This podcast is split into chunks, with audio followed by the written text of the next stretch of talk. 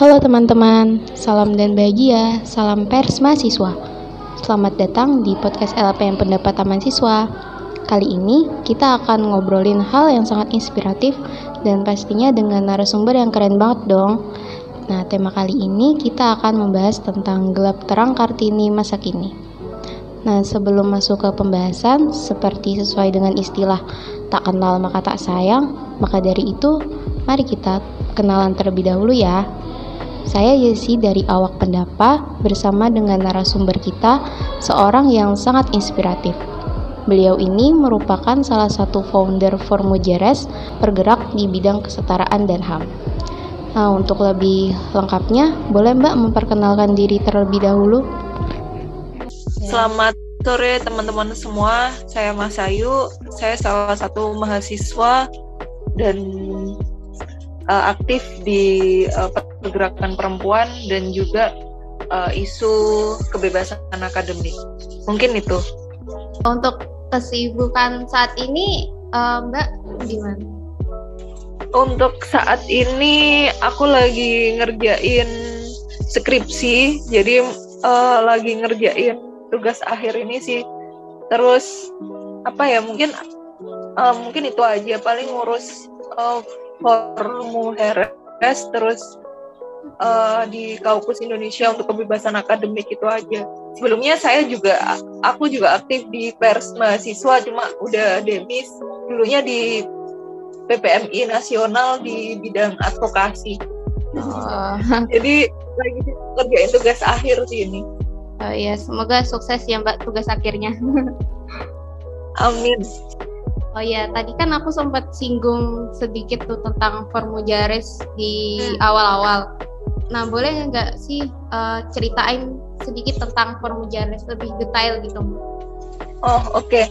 Jadi Formujares uh, itu adalah uh, komunitas uh, atau perkumpulan feminis santri akar rumput yang lahir dari keresahan saya dan beberapa teman yang lain karena uh, adanya kasus kekerasan seksual yang menimpa beberapa kawan saya gitu.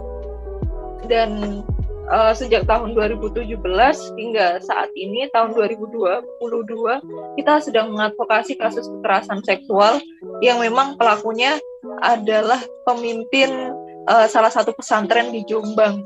Uh, saat ini pelaku sudah ditetapkan sebagai DPO ya daftar pencarian orang. Tapi karena uh, pelaku ini punya kuasa model yang sangat luar biasa selain itu juga punya jamaah yang sangat banyak.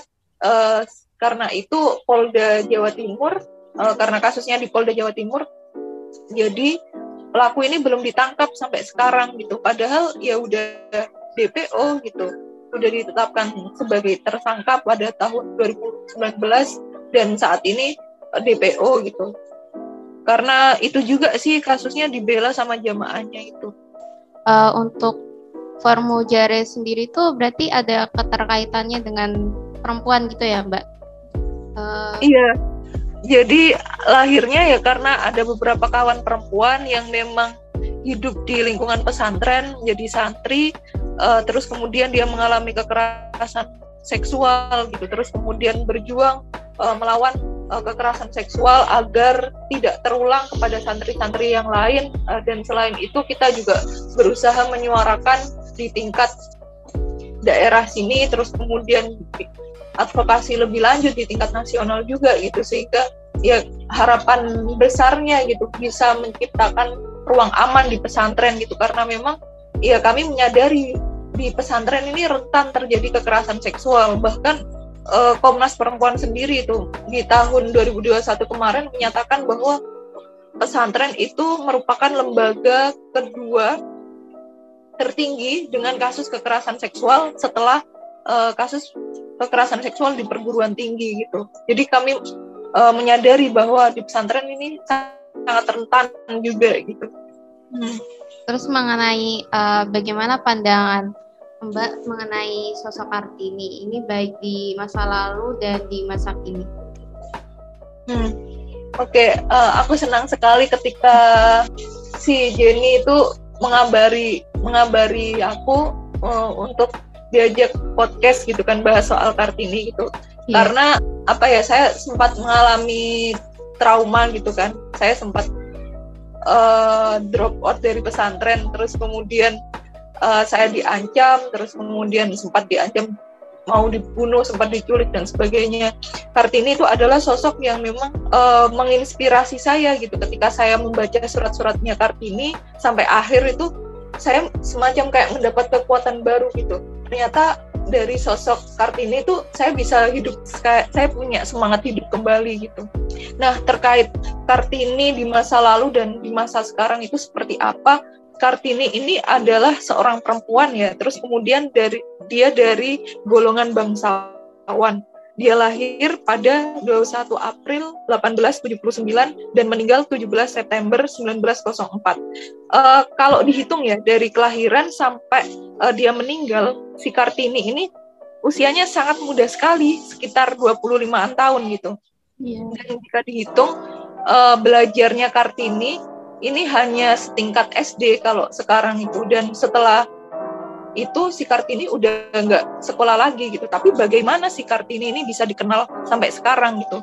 Uh, ini yang menjadi Karti menjadikan Kartini ini sosok yang istimewa gitu. Sekolahnya hanya sebentar, dia ini rajin membaca, terus kemudian semangat belajarnya ini sangat luar biasa dan juga uh, dia menulis.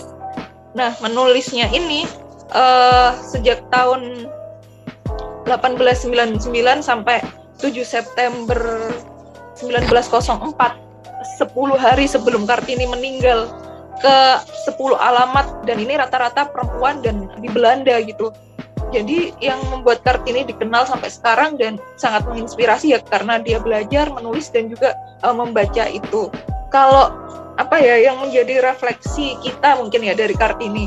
Kartini memang bangsawan gitu itu yang membedakan kita dan Kartini. Tapi Kartini pada waktu itu dia terbatas akses, dia tidak boleh belajar sebagaimana kakaknya yang lain. Kartini tidak boleh belajar hanya karena dia perempuan gitu. Itu yang membuat dia terbatasi oleh akses pendidikan dan dia diminta untuk menjadi seorang putri bangsawan gitu. Kalau kita kan bukan bangsawan ya, tapi kita bebas untuk belajar. Nah, si Kartini ini oh, nggak bebas untuk belajar dia belajar hanya sedikit tapi Kartini ini bisa mengakses bacaan-bacaan dari kakaknya yang bernama Sosro Kartono. Sosro Kartono ini seorang wartawan yang memang sangat luar biasa terkenal dan uh, sempat uh, sekilas aku membaca bahwa si Sosro Kartono ini adalah orang apa ya wartawan yang meliput perang dunia gitu, wartawan luar negeri gitu dan terkenal sangat cerdas juga. Si Kartini belajar dari kakaknya. Nah, meskipun terbatas dan belajarnya ini nyuri-nyuri gitu. Karena apa ya? Dan itu yang membedakan kita. Mungkin kita uh, sekolahnya belasan tahun ya dari SD, SMP, SMA, yeah. terus sekarang di perguruan tinggi. Si Kartini ini cuma sebentar aja uh, seusia SD, se, se setara SD aja gitu tapi Kartini karena membaca, karena dia menulis, nah itulah yang membuat dia melampaui zamannya gitu. Bahkan 100 tahun setelah dia meninggal, dia masih dikenal sampai sekarang. Ada banyak perdebatan juga terkait Kartini kan. Kartini ini kan nggak ngapa-ngapain gitu. Uh, mungkin di, di, di sama bedakan dengan misal seperti Cutnya Din terus uh, Dewi Sartika yang memang berjuang apa ya berjuang mengangkat senjata atau uh, seperti apa gitu. Kartini ini tidak seperti itu, tapi dia berjuang melalui membangun narasi, menulis, membaca seperti itu, dan dia lebih terkenal daripada itu ya karena dia menulis gitu. Sementara pahlawan-pahlawan yang lain itu tidak menulis. Mungkin itu yang membedakan uh, Kartini gitu. Dan Kartini ini saya merasa meskipun dia bangsawan, uh, dia dikungkung, tapi dia memang sangat luar biasa gitu. Jarang-jarang orang yang memang seperti itu itu ya sih. Oh oke okay, mbak. Uh, terus mengenal sosok kartini ini pasti nggak terlepas dari perjuangannya untuk melawan budaya patri patriarki gitu ya mbak? Hmm. uh, melihat hal tersebut itu bagaimana tanggapan mbak dengan keadaan yang sekarang? Terus uh, bagaimana kesulitan atau uh, fenomena apa gitu yang tengah ter dihadapi perempuan saat ini?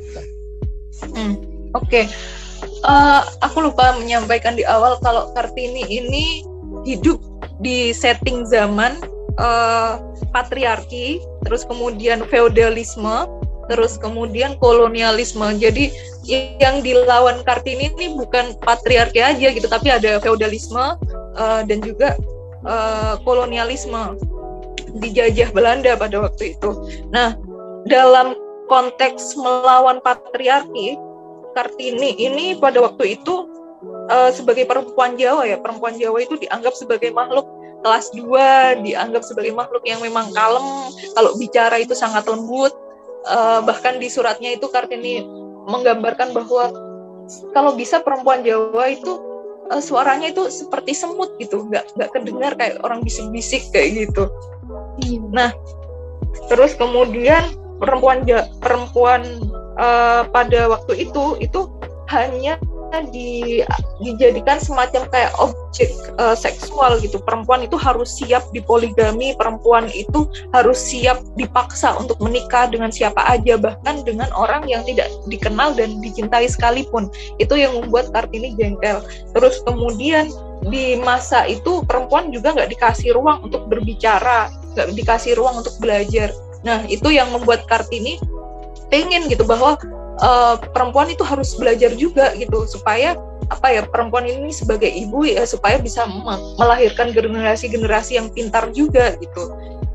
Kalau uh, dari situ saya rasa apa ya ya nggak jauh beda dengan sekarang gitu. Sekarang masih ada uh, poligami terus kemudian uh, perempuan dipaksa terutama di desa-desa itu kan masih banyak uh, kawin paksa terutama uh, kawin paksa kepada anak-anak gitu anak perempuan. Kalau nggak mau kamu dianggap bukan anakku atau kalau nggak mau kamu diasingkan.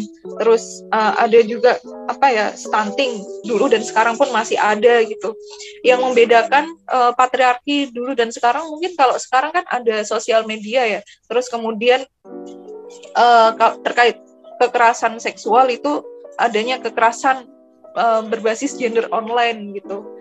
Nah, itu yang mungkin agak jauh beda dengan masanya Kartini karena di zaman Kartini pada waktu itu belum ada media sosial, belum ada uh, internet kayak gitu. Terus terkait uh, Kartini melawan feodalisme, ini menurutku penting juga ya Kartini dari golongan bangsawan, tapi dia itu nggak mau dianggap sebagai bangsawan. Bangsawan ini di, diartikan Kartini sebagai orang yang ingin dianggap merasa tinggi, dianggap tinggi, dianggap terdidik, terus sejak lahir itu punya gelar dan minta dihormati oleh rakyat yang uh, miskin kayak gitu.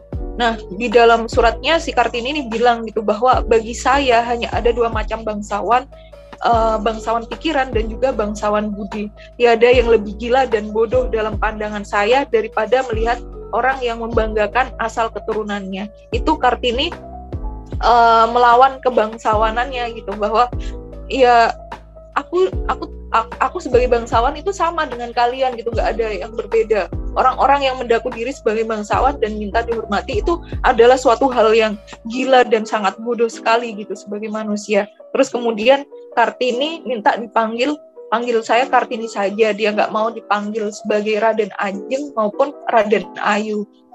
Raden Ajeng dan Raden Ayu ini adalah gelar uh, bangsawan gitu. Nah, nggak mau dipanggil ini karena ya Kartini khawatir gitu uh, rakyat menghormati berlebihan uh, itu. Terus kemudian ya uh, di setting zaman kolonialisme Kartini ini gelisah melihat rakyat yang dipaksa miskin, dipaksa bayar pajak, dipaksa kerja keras, tapi kerja kerasnya ini hanya cukup untuk makan. Nah, bagi Kartini, uh, manusia itu dalam kebutuhan kebutuhan hidup sehari-hari uh, nggak boleh hanya cukup untuk makan. Karena kalau hanya untuk makan uh, dia itu nggak bisa berpikir untuk masa depan nggak bisa berpikir untuk pendidikan gitu. Bagaimana mau mikir masa depan untuk makan aja susah gitu. Itu yang menjadi kegelisahan kartini dan uh, dia nggak suka sekali dengan uh, penjajahan uh, yang ada di Indonesia yang dilakukan oleh Belanda pada waktu itu. Makanya kartini juga banyak kritik kepada Belanda uh, itu ya sih luar biasa sekali memang Kartini ini. Iya luar biasa sekali ya mbak. um, terus um, mengenai banyak banget kan tuh pandangan-pandangan negatif ketika perempuan itu memilih sesuatu yang bertentangan dengan norma sosial, budaya, agama yang ada di masyarakat. Nah, itu bagaimana tanggapan Mbak Masayu mengenai hal tersebut? Oke, uh, jika dihadapkan dengan pertanyaan oh seperti itu ya, uh, aku rasa kita perlu berpikir ulang ya kira-kira jika kita melakukan suatu hal tersebut apakah kita itu membahayakan atau merugikan orang lain atau tidak gitu. Jika tidak membahayakan meru atau merugikan orang lain, saya rasa nggak masalah gitu. Dan menurut menurut saya harus dikembalikan ke pribadinya masing-masing itu seperti apa gitu. Apakah dia memang mau memen mematuhi norma sosial, mematuhi norma agama dan sebagainya. Kalau saya sendiri ya, uh, saya sebagai orang yang beragama tentu ya saya merasa uh, saya patuh terhadap perintah-perintah agama selagi itu uh, apa ya berdasarkan tafsir-tafsir yang memang tidak merugikan atau membahayakan orang lain karena kadang uh, tafsir agama juga dijadikan alat untuk uh, menundukkan atau uh, membahayakan orang lain gitu seperti uh, mungkin teman-teman pernah lihat uh, seminar poligami yang di, disuarakan oleh Coach Hafidin dan beberapa rekannya itu kan semacam kayak mengajak orang-orang untuk uh, poligami gitu kan. Yeah. Terus uh, dipak perempuan dipaksa untuk ya udah kamu manut aja gitu.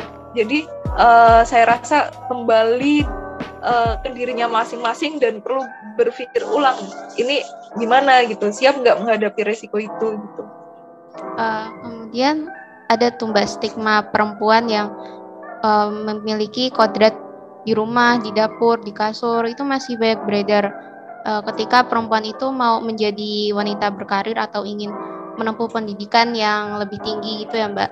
Nah hal-hal negatif ini malah muncul. Nah kalau Mbak Masayu, Mbak Masayu sendiri itu sekarang lagi menempuh pendidikan atau kerja di mana Mbak? Oke, okay.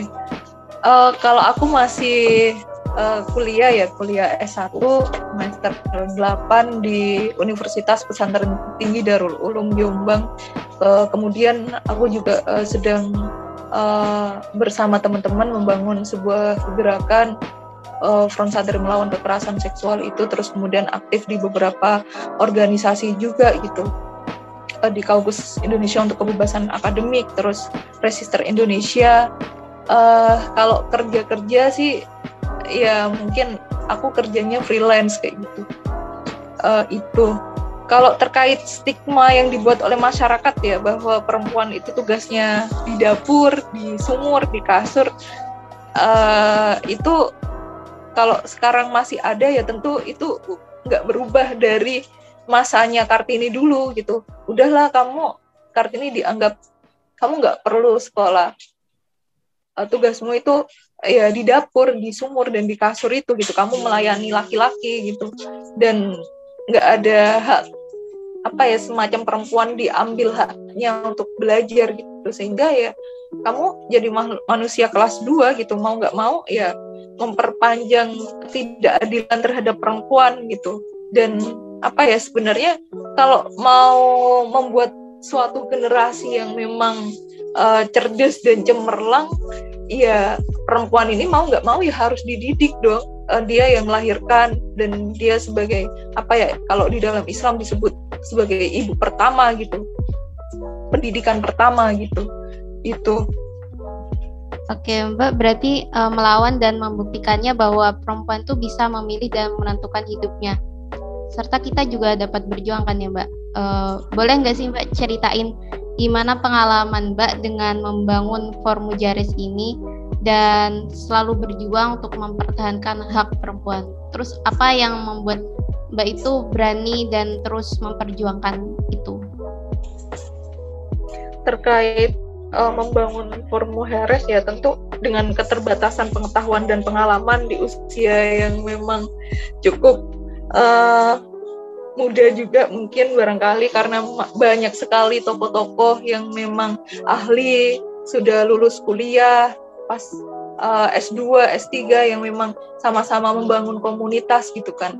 Uh, tentu uh, kami aku dan teman-teman menyadari bahwa ya dengan keterbatasan pengetahuan uh, kita melawan akan ketidakadilan yang terjadi gitu di awal uh, apa ya aku dan teman-teman ya memang benar-benar apa ya nggak punya pengetahuan terkait uh, kekerasan seksual dan melawannya itu seperti apa gitu. Nah yang bisa dilakukan ya kita mencari tahu berproses dan pada prosesnya itu ya eh, redam juga gitu. Kita dihadapkan ketika kita melawan kita dihadapkan dengan uh, tokoh tokoh pelaku kekerasan pelaku kekerasan seksual yang memang orangnya adalah tokoh dihormati kita dihadapkan dengan jamaah. Dan kita dikatakan bahwa kita itu pemfitnah mau menghancurkan pesantren gitu. Padahal yang kita sampaikan ya bukan itu gitu. Yang kita perjuangkan bukan itu. Kita mau mengatakan bahwa kekerasan seksual itu harus dilawan gitu. Dan itu nggak boleh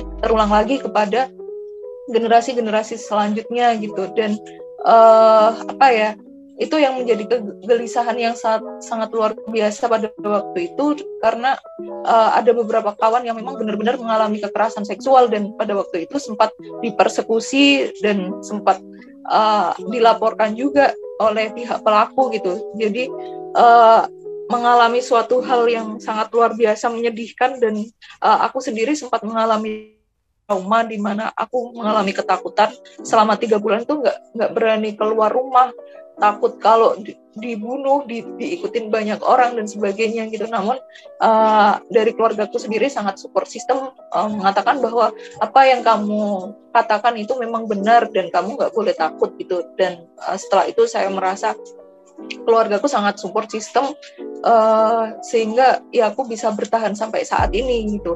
Di awal aku sempat juga mau apa ya ingin semacam kayak mengakhiri hidup. Kenapa hidupku seperti ini gitu?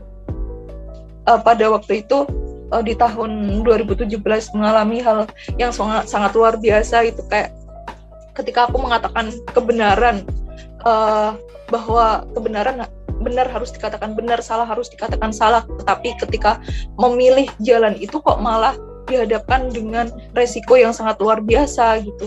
Nah, seketika itu ya apa ya menerima konsekuensinya lah. Harus drop out kehilangan teman dituduh sebagai pemfitnah. Dan setelah itu uh, kita berjuang melaporkan kasusnya di kantor polisi tahun 2018 tahun 2019 dan sampai sekarang kasusnya masih belum selesai gitu.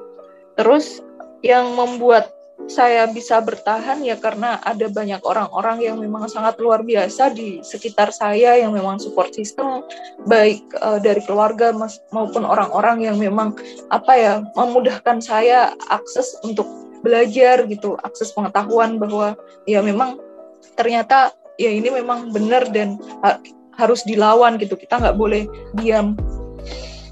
Uh, banyak terinspirasi dari seorang kartini juga sih bahwa uh, suatu hal apa ya yang memang belum banyak dibicarakan kadang itu memang banyak rintangannya gitu.